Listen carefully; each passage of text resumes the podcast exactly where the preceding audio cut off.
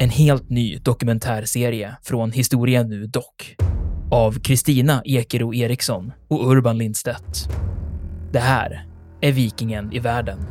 Vikingarna, de var inte något främmande folk. Sannolikt är det ett slags tempel, ett kulthus helt enkelt. Enligt legenden så är rykiderna skandinaver. Från skeppet och bränslet och slavinnan och hennes herre hade blivit till aska.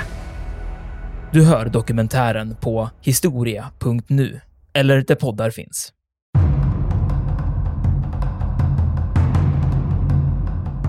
Alltså det är 38 länder som är med i den här koalitionen. Och Sverige deltar ju faktiskt med fältsjukhus. Man samlar ju så småningom då med luftbroar och med eh, via havet naturligtvis då en ganska stor allierad styrka.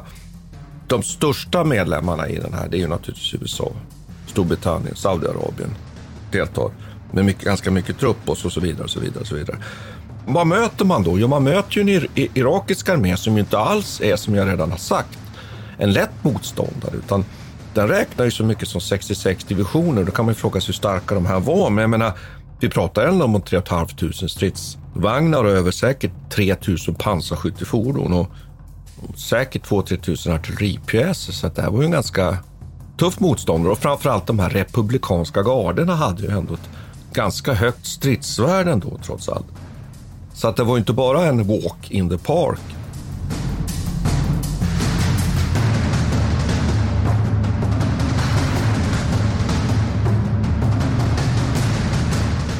Militärhistoriepodden är podden om krig med människor och samhället i fokus.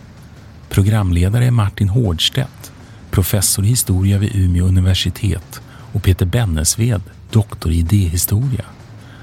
Podden ges ut av förlaget Historiska Media. Stöd gärna MH-podden via vårt swishnummer 123 610 76 68. Märk betalningen med MH-podden.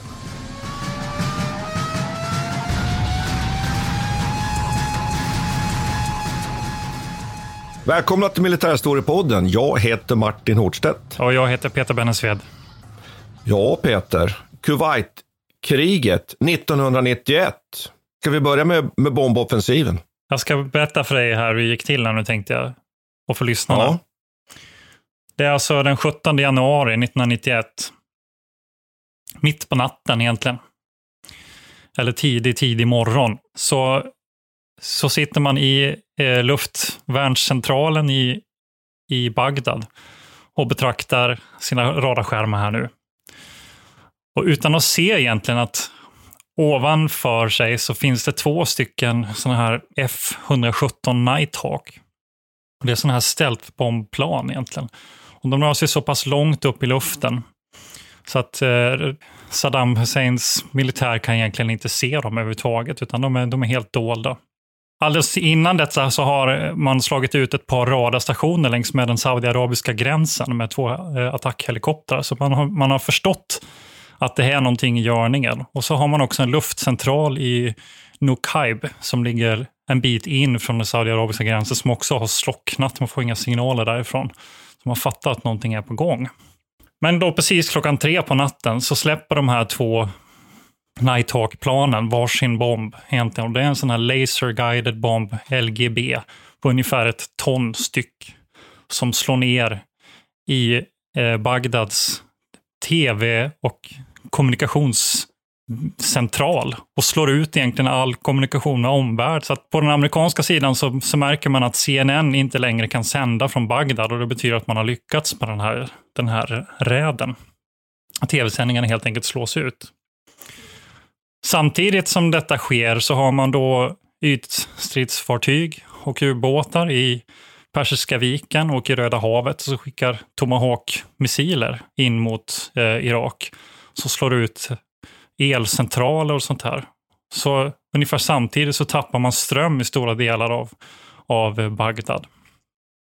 Och det som händer nu då, som är det geniala i den här operationen och som kanske inte är lika roligt för de som satt och arbetade med, med luftförsvaret i Bagdad, är att man i panik slår på full effekt på sina radarstationer. Och det är detta som är avgörande. Det kan vi jämföras med ungefär om man har slår på hel eller halvljus på en bil.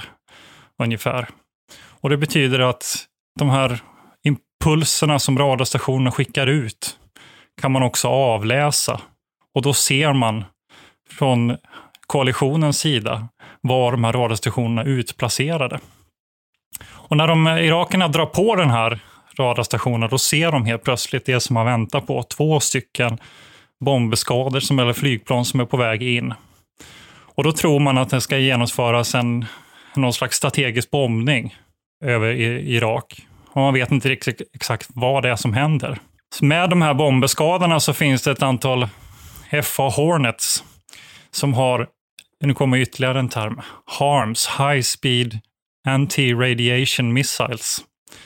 Och de här raketerna eller missilerna skickas iväg mot just radarstationerna som nu är på fullt blås. De är anpassade så, de här missilerna, så de kan, de kan på eget bevåg hitta och söka sig efter just radarstationer och de pulserna som skickas ut.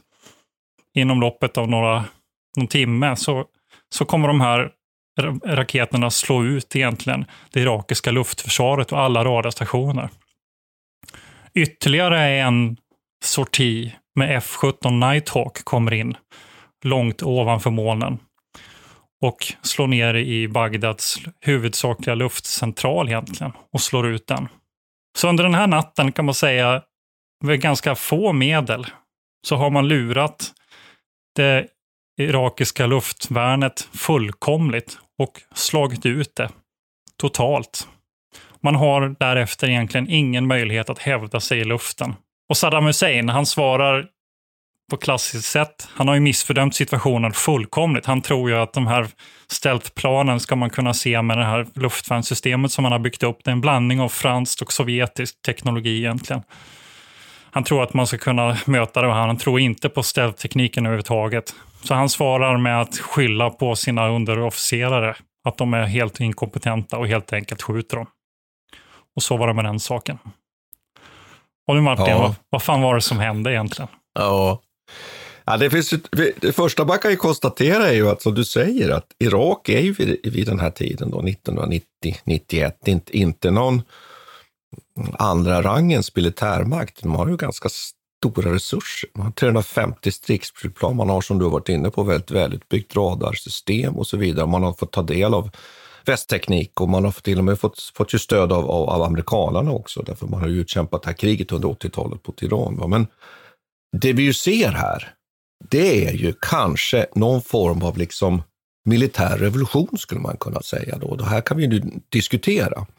Och då finns det en person här som, som ju brukar anses vara liksom det här moderna luftkrigets teoretiker i USA.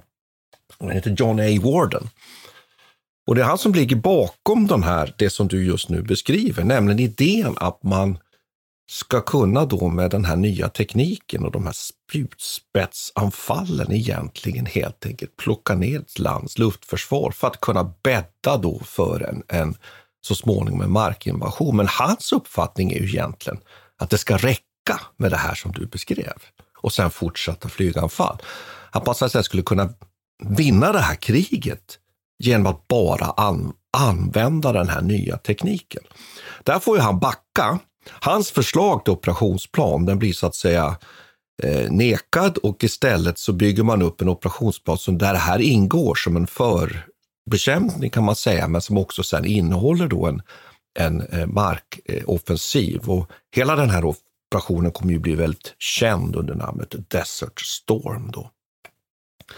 Så att jag kan väl tycka att det är en väldigt bra liksom, utgångspunkt för det här äh, mm. avsnittet om Kuwaitkriget. Och det är någonting helt annorlunda från det som har varit ja. tidigare. Det finns något kvalitativt annorlunda. Ja, men ändå kan vi ta en diskussion om det verkligen mm. är någonting kvalitativt annorlunda. Därför jag kan väl släppa det direkt då att även om man kan så att säga nu då vinna det här kriget eller påverkade väldigt starkt utgången av det med den här nya tekniken så har vi den här förbluffande ju lagen när det gäller krigföring att ta och hålla terräng. Det kan du inte göra med luftfarkoster som det heter. Utan då måste soldaterna in. Det där är ju liksom en, en naturlag som ju är ganska brutal. Ska du ta och hålla terräng, då måste du till slut in med soldaterna. Normally being a little extra can be a bit much. But when it comes to healthcare, it pays to be extra.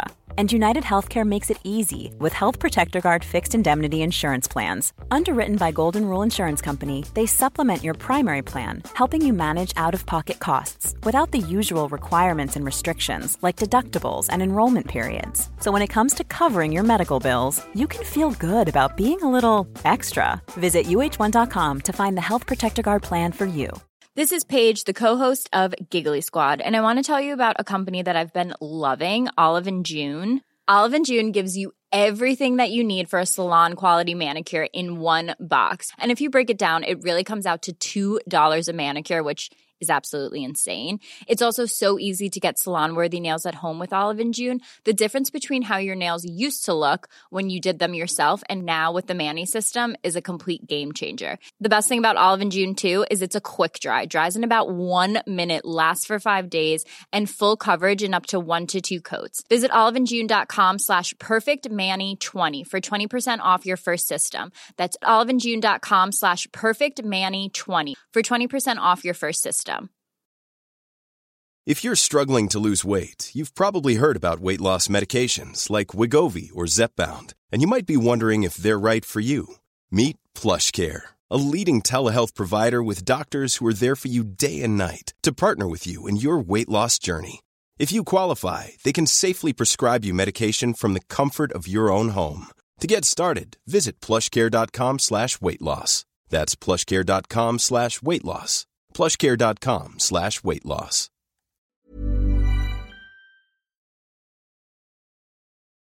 Ska vi backa bandet Ja. och ta, ta en, en, för det är ju väldigt intressant.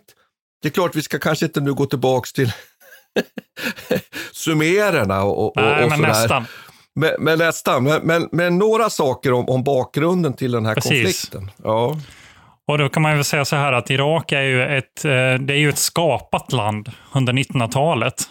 Det finns ju liksom inga, eh, det finns ingen naturlig, liksom, det har inte vuxit fram organiskt eh, som en del europeiska länder har gjort.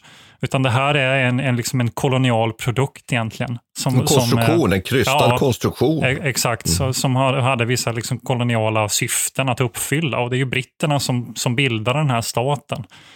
Om man ska då titta liksom på, på vad, vad Irak består av så är det ju mitten av landet består egentligen av den här eh, väldigt kända eh, halvmånen, den bördiga halvmånen. Som så, så det finns en, en oerhört lång historia här som sträcker sig flera tusen år tillbaka.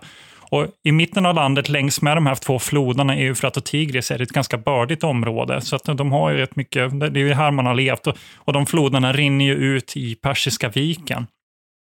Och längst ut där eller finns det en stor stad som heter Basra, som är ett väldigt viktigt centrum. Och eh, inte långt därifrån så ligger den här lilla eh, staten Kuwait, som är, den gränsar till Irak här och har en stor del av kustremsan mot, mot Persiska viken.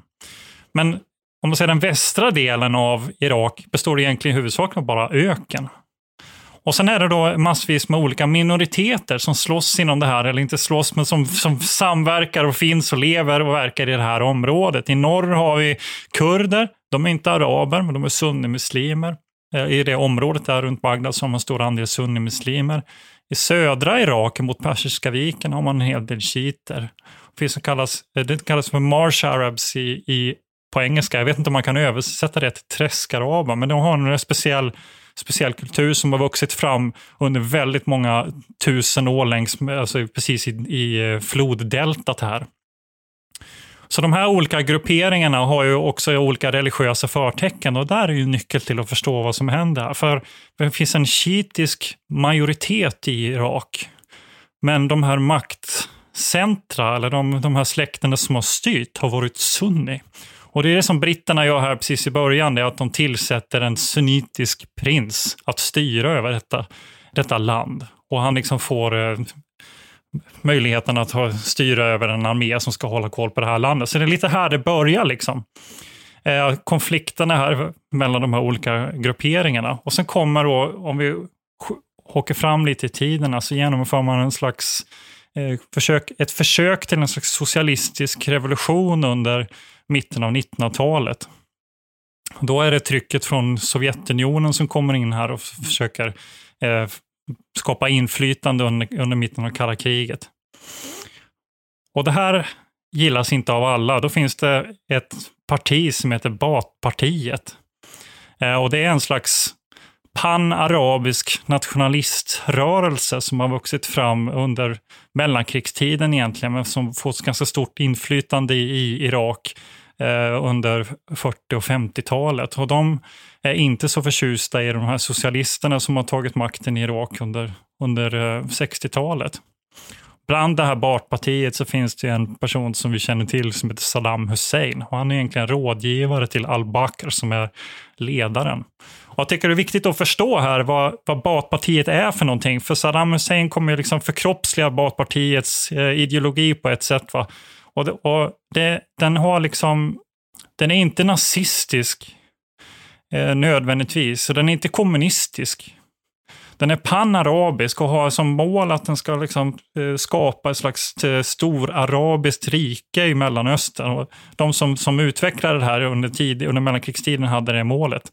Saddam har inte riktigt den inriktningen, utan han var mer, att, mer som Stalin, att ha socialism i ett land, eller kommunism i ett land. Och han vill också ha det här Baathpartiet, eller eh, Baath-ideologin i sitt land, så att säga. Men samtidigt är man ganska sekulär. Man är inte eh, en, en, religiös rörelse då, utan den, den hämtar, lånar in eh, influenser från den italienska fascismen och tyska nazismen på det viset. Men det gör också att, att man kan samla väldigt många människor under det här partiets ideologi samtidigt som du kan låna in västerländsk teknologi eftersom man inte har ett religiöst förtecken på allting. Så det här är rätt viktigt att förstå varför Saddam har den här positionen och den regimen som han bygger upp under 60-70-talet sen, har den här möjligheten att handla och ta till sig ny teknologi samtidigt som det finns en stark arabisk eh, vad ska man säga, eh, ideologi eller en liksom patriotism. Och kriget sen som han för mot Iran har ju det här målet också att bilda ett slags storarabiskt rike. Han vill ta, det finns en stor eh, eh shiitisk minoritet. Också. Ja, säga, ja, men för, ja, men för det, en sak som man ju hävdar där är att han för ju det här kriget mot Iran mm. ju å hela så att säga, arabiska världens vägnar, kan man, kan man då uttrycka det. Eller åtminstone å de sunnitiska staternas vägnar. Mm. Och nu är vi lite inne på den här direkta krigsorsaken, för det är precis som du säger, att här finns ju nu någon sorts uh, större vision hos Saddam Hussein. Och, uh, Kuwait erkänns ju av Irak på, redan på, på 1960-talet. Men i och med att Irak då har fört det här förödande kriget mot Iran, egentligen eh, alltså inte bankrutt, men man har ju väldigt dålig ekonomi. Då menar man att Kuwait på ett illistigt sätt, ja faktiskt till och med skulle ha liksom använt sig av oljetillgångar på irakiskt territorium. Och man menar att Kuwait borde ju liksom hjälpa till att betala för det här kriget. Det är det som är liksom utgångspunkten här i, i Saddam Husseins liksom vilja att ta Kuwait. Att det liksom finns att nu, nu borde några stötta oss och då bygger han så att säga upp en konflikt med Kuwait för att kunna ockupera Kuwait för att komma åt de här stora oljetillgångarna. Och det, det, finns, liksom det finns ju det här med, med, priset på olja också som spelar Just in. Man ska, ska, han, Saddam Hussein under sitt krig tillsammans mot, mot Iran här, så kör han ju sin ekonomi i botten. De klarar ju inte av att föra detta krig på ett vettigt sätt. Va? Samtidigt då som oljepriserna faller ganska radikalt under den här perioden. Vilket gör att, och, och då ska man komma ihåg att Irak bygger sin ekonomi helt och hållet på olje eh, på oljetillgångarna. Det är det man säljer till omvärlden och det är så man ja. tjänar pengar. Så, så, att det finns, det finns liksom ingen annan export som man kan leva på. Och eftersom Kuwait är så pass litet land med sådana enorma oljetillgångar så menar då Saddam Hussein att ja, Kuwait överproducerar för att hålla priset på oljan nere. Och där skapar man då liksom en möjlighet att ja, men om vi tar, vi tar kontroll över de kuwaitiska eh, oljetillgångarna så kan vi strypa flödet av oljeproduktionen och därmed höja priset och på det viset ska han då rädda sin egen ekonomi. Så det finns en sån, finns en sån dimension i det också. Kuwait kompenserade sig då genom att producera mer istället, så att mm. säga. flera fat för att få in. Och det här gjorde ju Saddam Hussein rasande. Och läget är så illa 1990 att man har ungefär tre månader på sig att, att få ordning på den här oljeexporten och få in inkomster. Annars är liksom den irakiska staten bankrutt. Va? Och här växer ju nu då fram det här ska vi säga, militärstrategiska, geopolitiska, ekonomiska målet att ta Kuwait. Jag tycker mm. att det mm. där egentligen räcker som, som förklaring. Och då... Men vi kan, vi kan ju säga också vad USAs roll i det här. Varför är det här angeläget för den koalitionen som bildas och framförallt är väl styrd av USA och Storbritannien. För det första så har ju Storbritannien varit en del av det här om det var ju de som bildade Irak. Ja, alltså de har ju liksom, mm. precis, och de har ju ett antal stödjepunkter i det här området, hela som baser och sånt som de har aktivt samarbetat med USA under lång tid. USA tar ju allt mer över här. CIA har varit engagerat sig i de här områdena i både Irak och Iran under väldigt lång tid. Eh, för att dels ja, under kalla krigets logik då, så försöker de motverka socialistiska revolutioner och alla typer av former av eh, liksom, socialiserande av oljeresurser avskyr de ju eftersom USA helt och hållet är beroende av oljeimport vid det här, vid det här laget. De, har ju samarbetat länge med Saudiarabien. Och det är ju också en grundförutsättning här att man bildade Aramco tillsammans med den här eh, Ibn Saud, eh, den arabiska prinsen. Och under den här perioden bygger man upp ett antal flygbaser och sånt, bland annat en som heter Dahar, som är helt avgörande för den uppladdningen av trupper som man sen gör i, inför Kuwaitkriget. Så USA finns ju här hela tiden och är väldigt noggrann om, om att bevara sina intressen, sina oljeintressen. Och det här har ju utnyttjats förstås av kritiker under väldigt lång tid. Eh, hela vägen fram till, det här kulminerade egentligen under 9-11 och Irakkriget sen när man började liksom kritisera USAs in, inblandning i det här området. Men de finns ju med här. Och, och Margaret Thatcher är ju väldigt drivande också att, det här ska, eh, att man ska genomföra den här mot, motanfallet egentligen. Som då får liksom humanitära förtecken. Och det kan man ju kritisera så här att de motiverar det här, eh, sin insats, Operation Desert Storm, med någon slags att man ska liksom skydda Kuwaits regim som inte hade något jättefint track record vad det gäller folkrättsliga liksom, och humanitära mm. ja, att upprätthålla, mm. upprätthålla någon slags humanitet. Så det, så det, är när, ja, det finns ju sån konflikt där. Vad är det egentligen som driver? Är det oljan? Är det oljespelet? Det internationella oljespelet som är, ligger i bakgrunden här? Eller vad är det för någonting?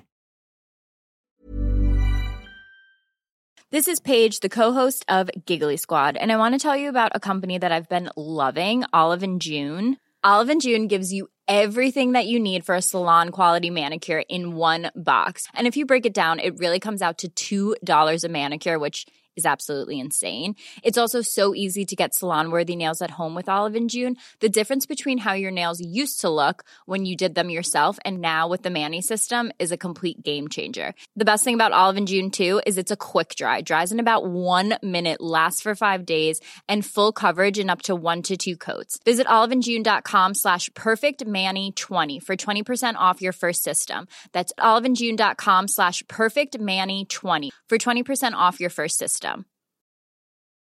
There's never been a faster or easier way to start your weight loss journey than with PlushCare. PlushCare accepts most insurance plans and gives you online access to board-certified physicians who can prescribe FDA-approved weight loss medications like Wigovi and Zepbound for those who qualify. Take charge of your health and speak with a board-certified physician about a weight loss plan that's right for you. Get started today at plushcare.com slash weight loss. That's plushcare.com slash weight loss. plushcare.com slash weight loss. Quality sleep is essential. That's why the Sleep Number smart bed is designed for your ever-evolving sleep needs. Need a bed that's firmer or softer on either side? Helps you sleep at a comfortable temperature? Sleep Number smart beds let you individualize your comfort so you sleep better together. JD Power ranks Sleep Number number 1 in customer satisfaction with mattresses purchased in-store. And now save 40% on the Sleep Number limited edition smart bed for a limited time. For JD Power 2023 award information, visit jdpower.com/awards. Only at Sleep Number stores or sleepnumber.com.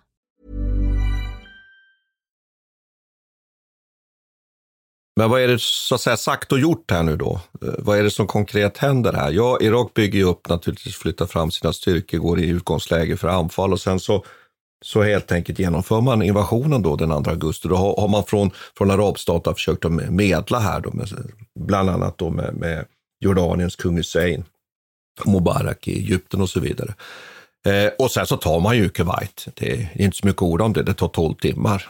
Så har man egentligen kört över Kuwait och ockuperat Kuwait och flyttar in ganska mycket trupp i, i Kuwait. Och här kommer vi ju in i det som du inledde det här avsnittet med, nämligen eh, att sen så reagerar ju västmakten och det är ett intressant också att vi är ju inne i ett skede här där Sovjetstaten har ju brutit samman och där man ju faktiskt får folkrättsligt en majoritet för att genomföra den här militäroperationen, att återställa Kuwaits frihet och köra ut Irak. Eh, och det är en sak som ju inte föreligger sen under det som senare blir Irakkriget och det har vi ju anledning att återkomma till i ett avsnitt särskilt om Irakkriget. Men det kan vara viktigt att komma ihåg att det är en väldigt, väldigt spännande sekvens i världens historia där plötsligt det skapas ett stöd för och en allians som hela FNs säkerhetsråd faktiskt ju, ja, de viktiga staterna stöder. Och det tycker jag är viktigt. Eh, bara få skjuta in en sak här. Du, du pratade om Saddam Hussein och att han missbedömde. Mm. Det är ju ganska intressant det här med diktatorer, att de ju ofta kanske missbedömer. För det finns ju, jag tänker dels på Adolf Hitler som det ju uppenbart var så att man berättade ju inte allt för honom. Eh, jag funderar ju kring, vi spelar ju in det här under Ukraina-kriget, det känns liksom självklart att vi måste liksom ändå på något sätt anknyta till det. Eh, får Putin veta allting?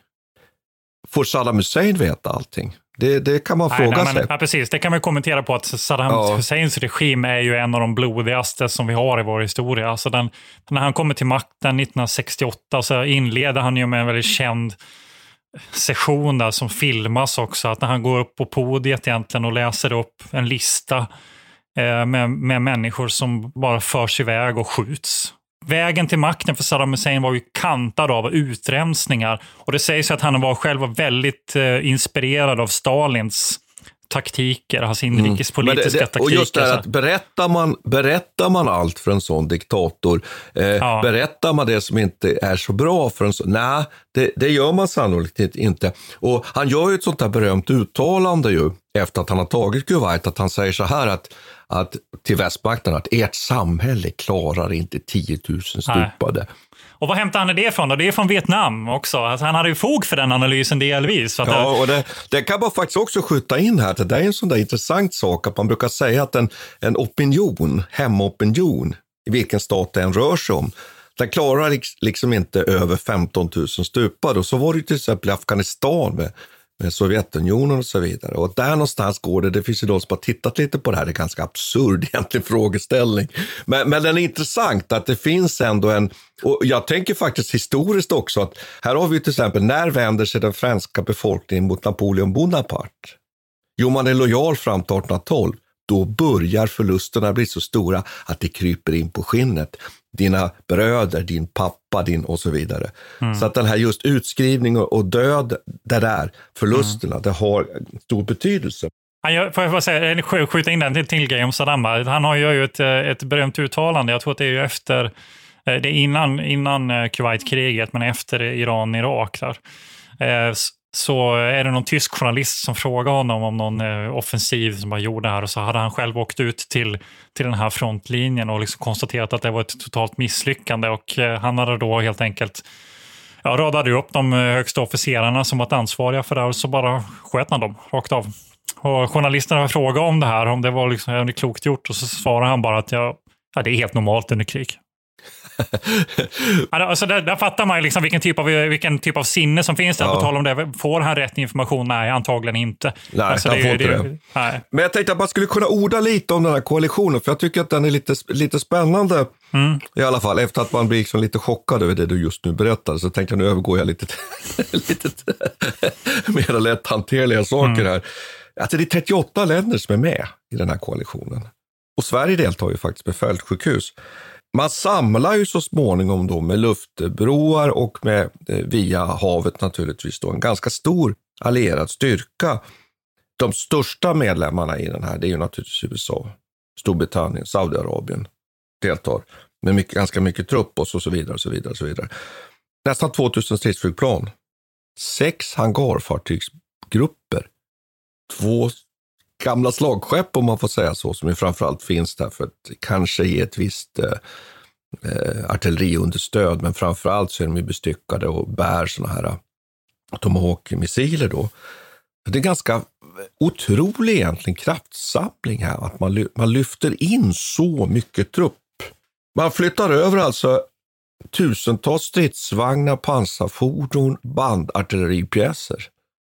Det är ju ganska logistiskt fascinerande mm. faktiskt, får man ju säga. Det tar väl ändå ett halvår också att göra det? Det är liksom inte någon... Jo, ja. precis, att bygga upp det här. Och vad, vad, möter man då? Jo, man möter ju en irakisk armé som ju inte alls är, som jag redan har sagt, en lätt motståndare, utan den räknar ju så mycket som 66 divisioner. Då kan man ju fråga sig hur starka de här var. Men jag menar, vi pratar ändå om 3 500 stridsvagnar och över säkert 3 000 pansarskyttefordon och, säkert 2-3 000 artilleripjäser. Så det här var ju en ganska tuff motståndare och framförallt de här republikanska garderna hade ju ändå ett, ett ganska högt stridsvärde ändå trots allt.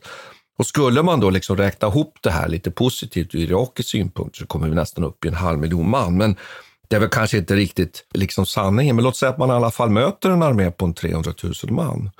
Så att det var inte bara en walk in the park för, för de allierade. Så att det tycker jag man nu ska ha, ha klart för sig. Nej, och, det kan man väl säga också att det, en del av det här, den enorma uppladdningen man gör, baseras ju på den här idén om att det kommer behövas så här mycket för att, för att ja. ha ett sånt, sånt övertag. För man är, det är intressant att man gör egentligen samma analys som Saddam Hussein gör på egen hand. Alltså I Pentagon sitter man och tänker så här, ja, vi kommer inte klara av så mycket förluster, så det här måste gå över jävligt snabbt helt enkelt. För man, gör, man, man tänker precis som Saddam, att annars kommer hemmaopinionen bli så, så problematisk att man måste, kommer ställa, behöva ställa in och det kommer leda till ett långdraget krig. Och så. Man har helt enkelt överskattat Saddam och hans styrkor på det viset. Och det är ju intressant att de gör samma samma analys båda två, fast på två olika håll, men det får väldigt olika konsekvenser. Ja, och sen tycker jag att man skulle kunna liksom så pedagogiskt egentligen prata om fyra faser, tycker jag. Det här. Det, du har ju varit inne på den första fasen, där man ju då framförallt då vill slå ut då ledning och infrastruktur. Va? Eller hur? Det är ju liksom första fasen i det här anfallet. Sen den andra fasen, då vill man koncentrera sig på att få luftherraväldet, det vill slå ut liksom eventuellt eh, irakiskt stridsflyg och så vidare. Så den överlappar ju de här faserna lite. Och den tredje fasen, då, då då koncentrerar man sig på att liksom nöta ner de iranska eh, styrkorna, markstyrkorna, liksom förbereda slagfältet eller hur man skulle kunna uttrycka det. Och sen har vi då liksom den rena mark, eh, markoffensiven. Då. Och tittar man då på det som ju den här Warden från början hade tänkt sig då, det var att man skulle slippa de här egentligen eh, ja, två sista, eller i alla fall den sista. Och det tycker jag, jag tycker att det är lite fascinerande. Sen kan man ju fråga sig lite nu här, hur kommer det sig att man i västmakten, framförallt på NATO-länderna och USA, bygger upp den här förmågan att precisionsbolla. Varför bygger man de här stealthflygplanen? Vad ska man ha det här till egentligen? Vad ligger Jo, det är ju slagfältet, det kommande slagfältet i Centraleuropa som man ser framför sig under kalla kriget. Hur ska man hantera det faktum att Sovjet har liksom ett, ett övertag när det gäller kvantitet? Jo, då tänker man ju sig så här, att de markstyrkor man har i Västeuropa, de får se till att försöka få stopp på den första sovjetiska vågen av pansar.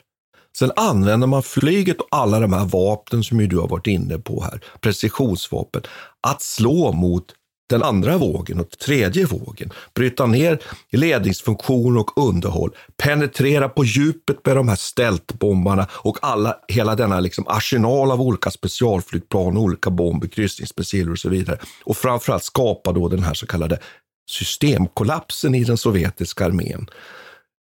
Och sen ska man så att säga övergå till att hjälpa den här, vad ska vi säga, de västeuropeiska trupper som tar emot den här första stöden då och föra ett sånt här som det heter eh, land-air battle, mm. alltså ett luft-markkrig där man då väldigt nära samarbete mellan markstyrkor och luftstyrkor, close air support som det brukar, brukar heta då.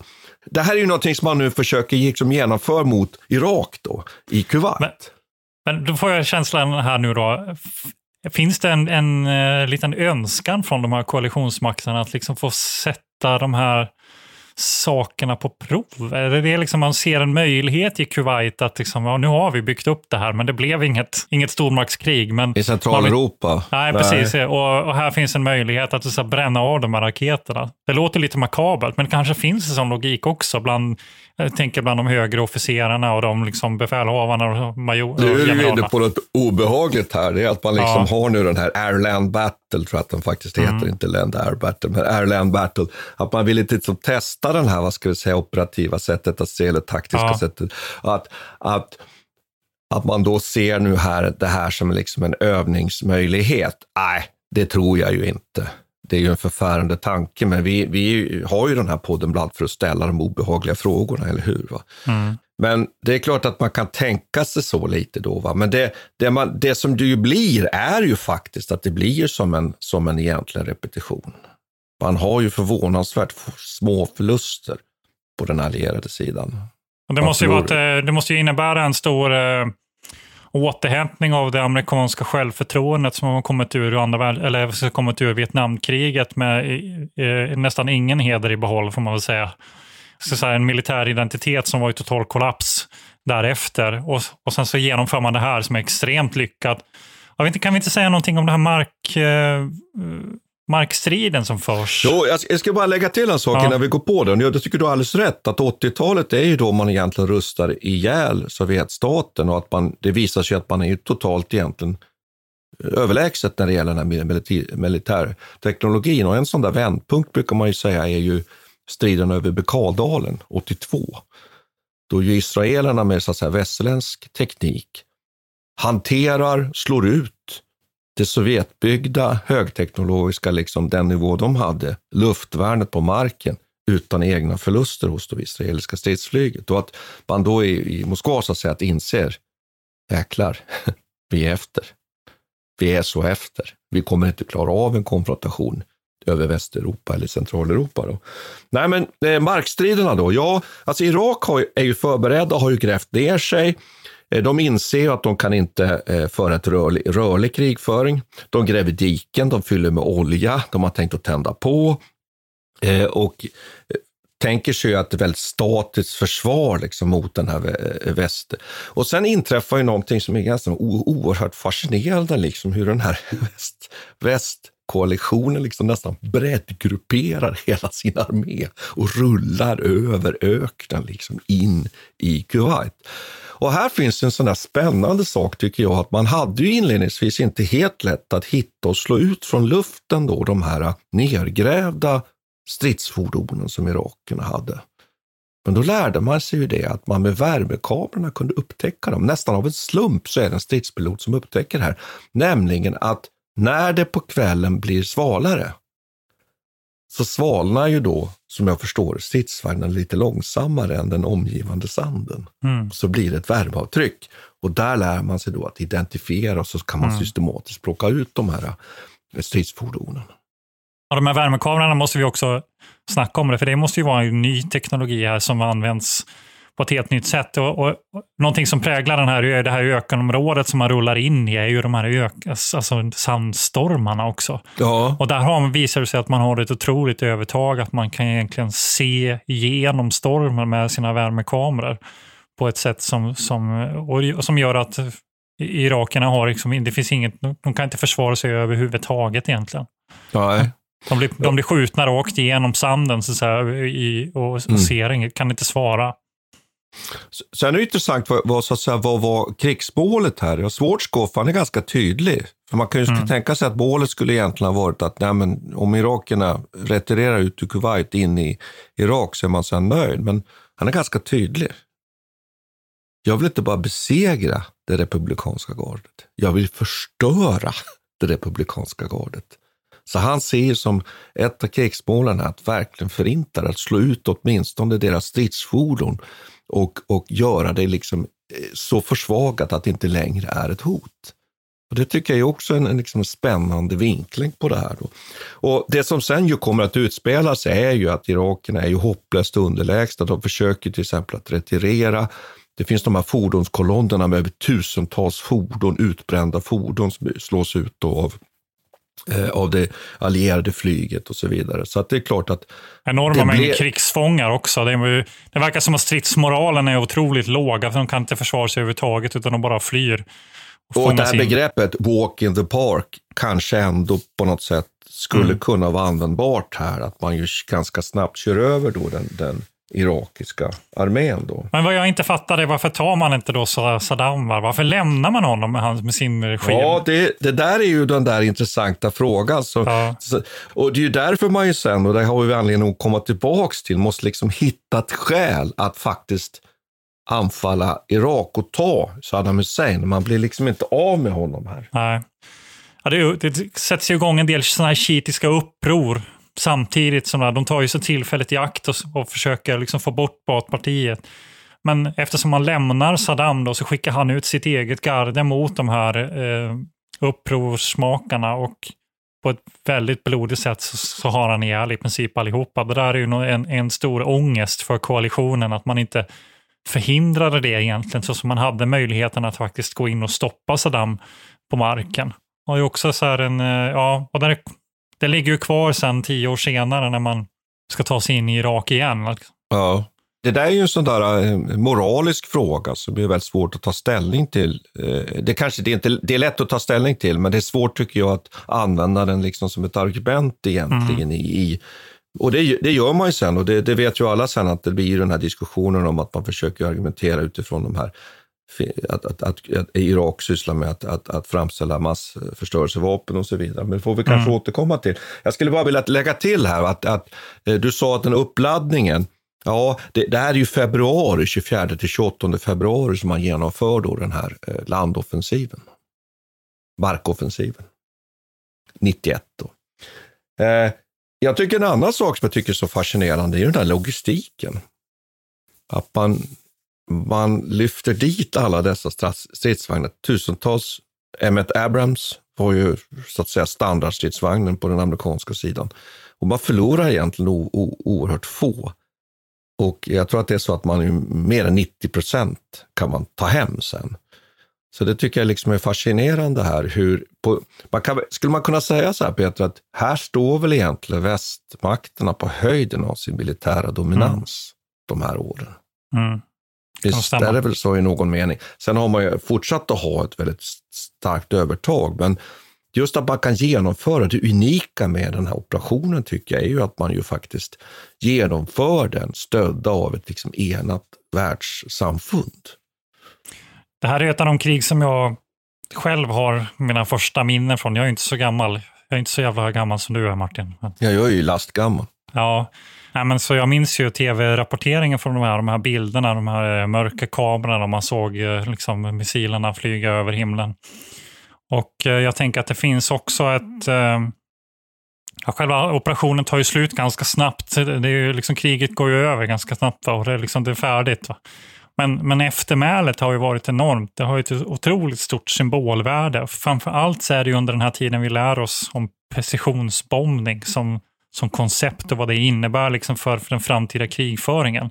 Och så att det man håller på med, nu kommer den civilförsvarsvinklingen, som ni lyssnare som är trötta på mig prata om skyddsrum får väl hålla för öronen, men här kommer Ja, nu, nu stoppar ju ja. någonting ordentligt.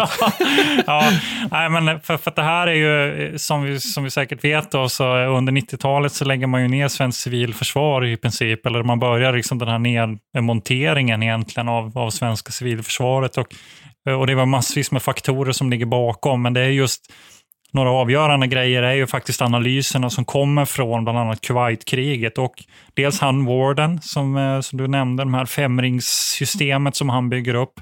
Eh, och sen är det då en precisionsbombning. För någonting som har tidigare, alltså syftet med att hålla på med ytbombning har ju åtminstone på pappret varit att man ska slå ut kritisk infrastruktur på det viset. Men det har inte funnits de tekniska möjligheterna att precisionsbomba liksom elkraftverk och, och eh, luftvärnscentraler och sånt där. Det har man inte kunnat göra för tekniken inte varit mogen för det.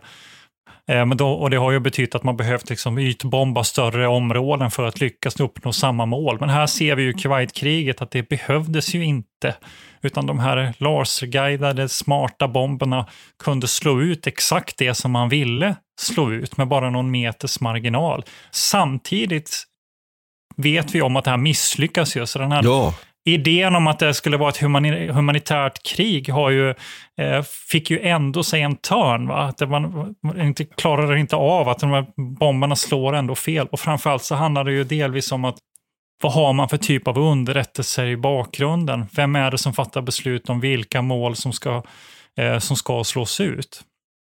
Samtidigt så som själva bombtekniken också utvecklas och vi har ju en väldigt känd eh, händelse ja, jag tänkte just att vi måste nämna den. Just som Ja, jag, tycker, som och jag, ett- jag satt och ja. läste det här om det här på tåget och jag måste säga att eh, med bakgrund av det som sker i Ukraina också så blev jag nästan Ja. rörd till tårar. Alltså för att det är en sån... Och då tänker jag på bombningen av Al-Hamiria. Jag vet inte exakt hur man uttalar det, någon med, med Mellanöstern på Brå får gärna informera mig. Men eh, det är alltså i Bagdad då finns det en, en liten rikare stadsdel Eh, där eh, det fanns ett, ett stort skyddsrum eh, uppbyggt. Två våningar, ett jättestort komplex. Det här användes som skyddsrum under Iran-irakiska kriget under 80-talet. Och då gör CIA den här, under Kuwaitkriget så gör CIA den här eh, tolkningen att det här har slutat användas som, eh, som ett skyddsrum för civila, utan det har övergått till att bli en sambandscentral, en militärt kommandocentral helt enkelt. Så den 13 februari så skickar man iväg just två sådana här F-117 Nighthawk. Och då släpper man två stycken GBU-27, Paveway 3 heter de. Det är en slags laserguidad bunker buster. De är ju, är ju rätt speciella de här. Jag uppmanar lyssnarna att gärna gå in och titta på hur de ser ut. Det är som en, eh, en, en raket som ganska, de väger ungefär upp till ton och sen så på spetsen så har man ytterligare som ett litet, eh, vad ska man kalla stridsspets. Va? Den här stridsspetsen är extremt härdad. Och sen har man en fördröjd eh, explosionsmekanism inne i bomben. Så att när den här raketen slår ner Eh, så exploderar den inte på en gång. Den här stridsspetsen ser till så att man penetrerar marken eller vad det nu är. Va? Och man kan ta sig väldigt djupt. I det här fallet så lyckas man ta sig alltså tre meter ner i betongen egentligen. Och sen så när man kommit ner dit, då exploderar den här bomben. Så det som händer här i all, eh, Almiria, det är att man skickar två sådana här med en viss tidsintervall emellan. Den första slår ner tre meter, smäller av, öppnar upp ett hål i den här bunkern. Och sen kommer nästa missil som följer exakt samma bana. Som slår ner rakt igenom det här hålet in i skyddsrummet. Och inom ett par sekunder så dör 400 människor. Mm, den här 100 smällen. barn, visst var det så? Ja, och, det, och då visar det sig här i efterhand att det här var visst ingen militär kommandocentral, utan det var liksom den militära ledningens familjer skyddade sig in i det här skyddsrummet. Så att det var en, en, en fruktansvärd humanitär katastrof. Och, och alla dog inte på en gång, utan, och, och det finns det varierande siffror. Någonstans, den lägsta siffran är 400, men det är ju de som påstår att upp till 1500 personer dog här. Och det var ett, oerhört makabert. Det här finns, kan man fortfarande titta på, man kan åka dit och se det. Man har inte rört det egentligen, man har ställt ur liken förstås, men, men eh, man har inte rört det sedan dess. Och några av de som föräldrarna till många av de barn som dog här eh, används som guider i det här till turister som vill komma dit. Och man har en minnesdag för den här händelsen. Och internationellt sett fick den här händelsen jättestort Ja, genomslag. det var ett underbart genomslag minns jag. Ja, och det, Radiohead gjorde en, en känd låt som heter I Will också som kablades Okej. ut. Och det var liksom, ja men det blev en, en symbol för den misslyckade precisionsbombningen egentligen. Att den inte alls var någon slags humanitärt eh, framgångsrikt krig. utan Samtidigt då som det är internt gentemot sådana, sådana som håller på med civilförsvar som jag, så visar det att de här skyddsrummen vi har byggt upp är av ringa värde. Även om de kan möjligtvis att de kan klara av en kärnvapenexplosion uppe 400 meter upp i luften. Mot, men mot den här typen av entons bunkerbuster så ligger man jävligt risigt till. Hey, it's Danny Pellegrino from Everything Iconic. Ready to upgrade your style game without blowing your budget? Check out Quince. They've got all the good stuff shirts and polos, activewear, and fine leather goods, all at 50 to 80% less than other high end brands. And the best part? They're all about safe, ethical, and responsible manufacturing. Get that luxury vibe without the luxury price tag. Hit up quince.com slash upgrade for free shipping and 365 day returns on your next order. That's quince.com slash upgrade. Mom deserves the best, and there's no better place to shop for Mother's Day than Whole Foods Market. They're your destination for unbeatable savings, from premium gifts to show-stopping flowers and irresistible desserts. Start by saving 33% with Prime on all body care and candles. Then get a 15-stem bunch of tulips for just $9.99 each with Prime. Round out Mom's menu with festive rosé, irresistible berry chantilly cake, and more special treats. Come celebrate Mother's Day at Whole Foods Market. Flexibility is great. That's why there's yoga. Flexibility for your insurance coverage is great too. That's why there's United Healthcare Insurance Plans. Underwritten by Golden Rule Insurance Company, United Healthcare Insurance Plans offer flexible, budget friendly coverage for medical, vision, dental, and more. One of these plans may be right for you if you're, say, between jobs, coming off your parents' plan, turning a side hustle into a full hustle, or even missed open enrollment. Want more flexibility? Find out more about United Healthcare Insurance Plans at uh1.com. Precis det här du säger, att det här kliniska kriget, det liksom existerar inte. Eh, den här idén om att man ska kunna vinna ett krig från luften utan civila offer, mm. den liksom kan vi sopa undan. Eh, för det första, soldaterna måste in på marken för att ta terräng. Eh, civila kommer att dö. Även när man försöker undvika det. Och det. Det som är nyckeln här tycker jag i det du pratar om, det är ju underrättelserna. Mm. Vad vet man om det man ska bekämpa? Det kan man ju räkna med att det kommer vara bristfälliga underrättelser och att man kommer att döda civila. Så att någonstans egentligen, apropå någon sorts revolution i kriget där, så kan man ju väl egentligen bara krasst säga att vi kan glömma att krig kommer liksom kunna föras utan stora förluster. Sen behöver man inte bedriva den typen av krigföring som vi ser i Ukraina just i dessa dagar där, där, ju, där ju ryssarna, vi spelar ju in det här faktiskt den, den, den 11 mars då, så eh, liksom randomaktigt beskjuter civila bostadsområden. Det var ju inte det man gjorde under Kuwaitkriget. Men trots att man försöker så kommer det alltid kosta liv. Så det är väl liksom en självklarhet som jag sitter och säger här. Det kommer dö människor om vi för krig.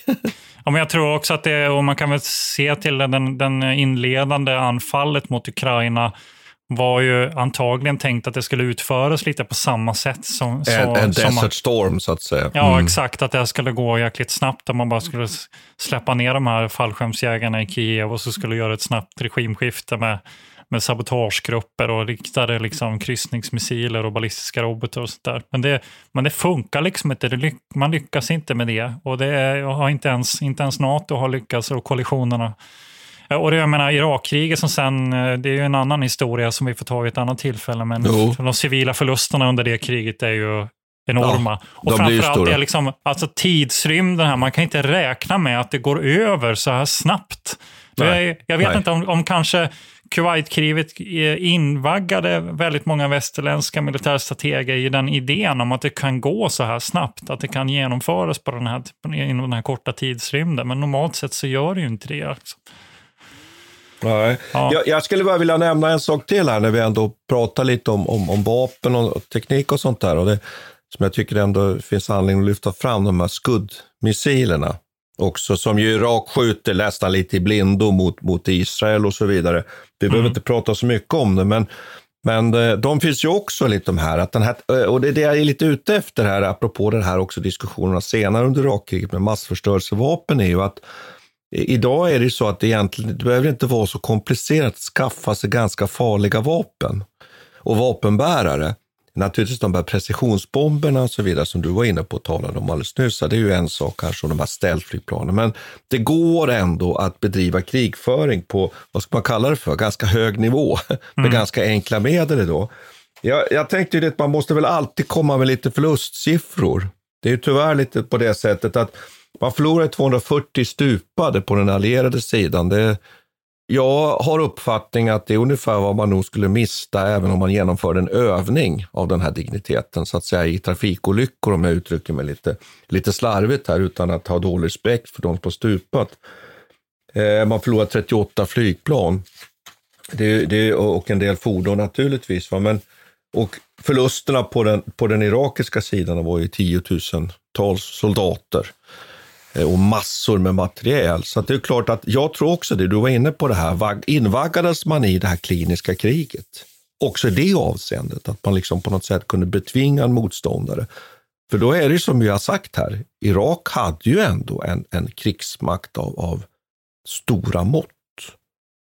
Så att man funderade ju mycket efter Kuwaitkriget om det här just var en, revolution i krigföring och det visade den ju sig att det inte var utan att släppa för mycket här sen när man körde fast i Irak, det var det jag skulle ja, säga. Mm. Man kan jämföra lite med Afghanistan här, tycker jag att det är intressant. Alltså att för någonting som vi ofta ser när vi, när vi studerar krig där det är väldigt asymmetriska förhållanden. Mm. Att motståndarsidan... Och, och, vad menar du med det, asymmetriska förhållanden? Ja, alltså att man övergår till gerillakrigföring ja, egentligen. Att, mm. men, men kanske var det Saddams misstag att han tänkte att han skulle kunna möta den här koalitionen på, på lika villkor. Alltså för att om man jämför med Afghanistan så lyckas man ju alltid, aldrig egentligen befästa, alltså man tar över staten egentligen, men man klarar sig inte på lång sikt och man får inte kontroll över alla områden just för att de här eh, talibanerna för ju irreguljär krigföring, det är ju gerillakrigföring i de här mm. bergsområdena och det är omöjligt för dem att överleva det. Liksom. Kan, man kan inte ta kontroll över dem på det viset, för då måste man också vinna och du, och hjärtan. Vet, liksom. Nej, och du vet inte vem som är vem och fiende inne nej, i Kabul, Kabul, så att säga. Och sen tänkte jag säga en annan sak här. Ju, att jag tror ju att som Saddam Hussein, jag upprepar det, han trodde ju liksom att, att västmakten skulle inte klara att ta förluster. Då förstår han ju inte riktigt hur det här nya kriget, det måste ju ha kommit som en chock med den här nya mm. tekniken mm. naturligtvis. Va? De var 240 stupade. Han sa att de, ni kommer inte tåla 10 000. Det talar sitt tydliga språk, bara den jämförelsen. Va? Så att, jag tror, jag tror nog att det var det han hade tänkt sig, liksom, att det var den här vad ska jag säga, västerländska mesigheten, om man uttrycker sig så. Mm. Precis, så, så, man kan väl säga så här att som avslutning att det här var ju som en uh, pyrrusseger för koalitionen på ett sätt. Att hon, ja. man lyckades. På ta taktiskt plan så lyckades man, men, men strategiskt så vann ju Saddam Hussein på ett sätt eftersom han var kvar här. Han, han blev aldrig bortpetad. Mm. Även om Kuwait var ju förstås förlorat, det kan de ju aldrig få tillbaka. Ja, att, att precis operationen lyckades ju väldigt väl, men man uppnådde inte som du säger egentligen kanske de strategiska målen och då var ju det man sen så att säga fick fortsätta så att han hitta en anledning. Men vi får, vi får väl återkomma till det tycker jag. Mm. Vi har ju nu här i, i eh, som nästa avsnitt efter det här om Kuwaitkriget, då, Tjetjenienkriget. Vi, vi känner oss väl lite, jag ska inte säga tvungna, men ändå att, att bearbeta våra upplevelser av Ukraina-kriget som pågår genom att ta sådana saker som på något sätt ändå kan anknytas till det som pågår. Eller vi har ju ett episkt avsnitt om Poltava också i pipelinen här. Det som också vi anknyter till det här. Ja. Och, det är, och jag tänker att eh, den, den hamnar i helt nytt ljus här nu när vi ser att, vilka konsekvenser det fick för ryska imperiets inblandning i Ukraina och sådär kan uppmana lyssnarna också kanske att skaka fram det där gamla avsnittet om 1812 som vi faktiskt också spelade in. Det är ju lite på samma tema. Och eh, jag, jag, tycker också att vi faktiskt ska ta tag i, i de här, det här rysk-polska kriget på mm. 1920-talet faktiskt också tycker jag. Kanske även kanske det ryska inbördeskriget. Vi får se. Mm. Men tack för att ni lyssnade. Och tack ska vi väl ha Peter? Ja, tack ska vi ha. Tack ska vi ha. Vi tackar Peter Bennesved och Martin Hårdstedt. Kontakta gärna Militärhistoriepodden via mejl på militarhistoriepodden historia.nu. Peter och Martin vill gärna få in synpunkter och förslag till programidéer.